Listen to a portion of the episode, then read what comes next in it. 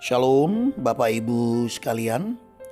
Firman Allah kembali datang menyapa kita untuk menuntun kita di jalan-jalan kita, menerangi hati dan pikiran kita sehingga kita tetap berada di jalurnya Tuhan.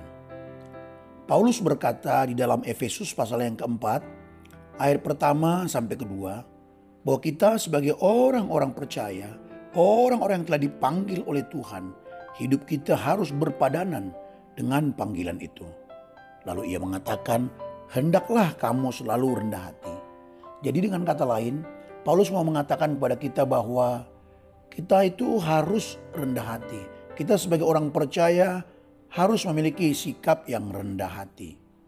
Nah, saudara-saudaraku yang dikasihi Tuhan, kejatuhan manusia dalam dosa membuat kita menjadi sombong. Sehingga benih-benih sombong itu pun ada dalam diri kita. Tapi kita bersyukur Tuhan telah memanggil kita. Kita menerima Yesus sebagai Tuhan dan Juru Selamat kita. Ada benih ilahi dalam kita. Roh kudus dalam kita. Ada benih kerendahan hati ada di dalam kita. Dan benih itulah yang harus kita tumbuhkan saudaraku supaya hidup kita terus rendah hati. Apa itu rendah hati? Paulus juga menjelaskan kepada kita mengenai rendah hati ini di dalam Filipi pasalnya yang kedua, Saudara. Ya, di situ dikatakannya orang yang rendah hati itu ya tidak mencari kepentingan sendiri, tidak mencari puji-pujian yang sia-sia. Orang yang rendah hati itu, kata Paulus, seorang yang menganggap orang lain lebih utama daripada dirinya sendiri. Orang yang rendah hati juga dikatakan Paulus uh, dia tidak memperhatikan kepentingannya sendiri, tetapi kepentingan orang lain. Dengan kata lain, orang rendah hati adalah orang yang selalu mengutamakan orang lain. Orang yang kalau berkata orang rendah hati itu adalah orang yang sedikit, ya orang yang sedikit memikirkan dirinya sendiri.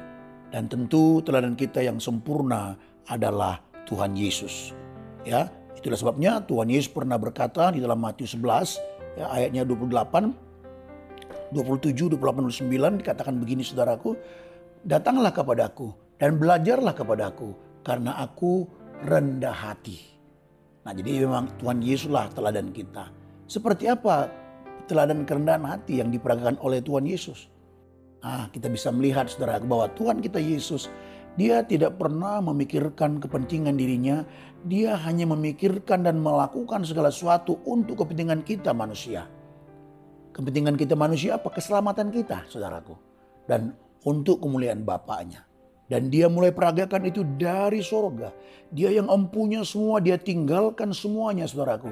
Lalu dia turun menjadi manusia. Dia Allah yang tak terbatas itu dia menjadi terbatas. Itu kan satu tindakan kerendahan hati bukan? Tujuannya untuk apa saudaraku? Untuk kebaikan kita, untuk keselamatan kita. Dia tidak pikirkan dirinya. Dengan dia membatasi diri dari sorga turun ke bumi, dia pun jadi menderita. Ya, hidupnya jadi terbatas, padahal dia tak terbatas, saudaraku. Nah ini sebuah teladan kerendahan hati yang harus terus kita uh, praktekkan. Ya, harus terus kita berjuang untuk memperagakannya, saudaraku yang dikasihi Tuhan. Nah, orang rendah hati juga adalah orang yang uh, berani menilai diri secara objektif. Maksudnya apa ya? Kalau dia melihat dirinya salah, dia berani untuk meminta maaf saudaraku. Kalau dia melihat dirinya keliru, dia berani untuk menyatakan dirinya keliru. Nah kalau ada orang berbuat salah tapi tidak mau mengaku salah, sesungguhnya itu adalah orang yang sombong. Ya, orang yang sombong dia tidak mampu menilai dirinya dengan objektif. Atau mungkin sebelum ke situ menilai diri dengan objektif ini ya dimulai dari bahwa dia sadar bahwa dia menangkap bahwa dia salah saudaraku. Ya, setelah dia menangkap dia salah, lalu dia berani. Lalu dia berani saudaraku untuk mengatakan, untuk berkata, saya salah, I was wrong. Itu saudaraku yang terkasih.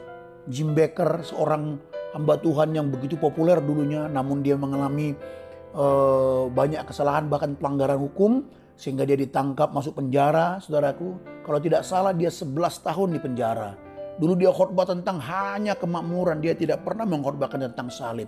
Tapi ketika di penjara, Tuhan mengajarnya, Tuhan menuntunnya, mencelikkan mata hatinya sehingga dia mengerti bahwa dia dulu salah. Baik dalam pengajarannya yang tidak mengkhotbahkan tentang salib, tapi selalu mengkhotbahkan tentang kemakmuran demi kemakmuran, kemakmuran jasmaniah maksudnya. Dan yang luar biasanya saudaraku yang dikasih Tuhan. ya dia menulis satu buku. Dalam satu pertobatannya dia mengakui bahwa dia salah dan dia mengatakan I was wrong. Dan yang luar biasanya saudaraku, keluarganya menyambutnya luar biasa. Di keluarga, ya, anak-anak, istri dan anak-anak membuat satu spanduk di rumah untuk menyambut hamba Tuhan Jim Baker ini. Dia berkat mereka menuliskan uh, spanduk itu, Welcome Home Daddy. Nah ini peragaan-peragaan yang rendah hati saudaraku. Saling memikirkan kebaikan satu sama lain. Nah itu yang dilakukan oleh Tuhan Yesus. Dan marilah kita belajar untuk melakukannya ya. Kita mulai dari rumah kita, suami belajar rendah hati terhadap pasangan hidupmu, istrimu, istri belajar rendah hati terhadap suami, orang tua, terhadap anak, belajarlah rendah hati. Kita melihat mungkin anak kita menjengkelkan, tapi belajarlah rendah hati. Ya kiranya uh, renungan ini tentang kerendahan hatian ini bisa menolong kita untuk hidup untuk hidup lebih baik lagi di depan Tuhan, berkenan kepada Tuhan dan menjadi berkat bagi banyak orang. Tuhan Yesus memberkati kita. Amin.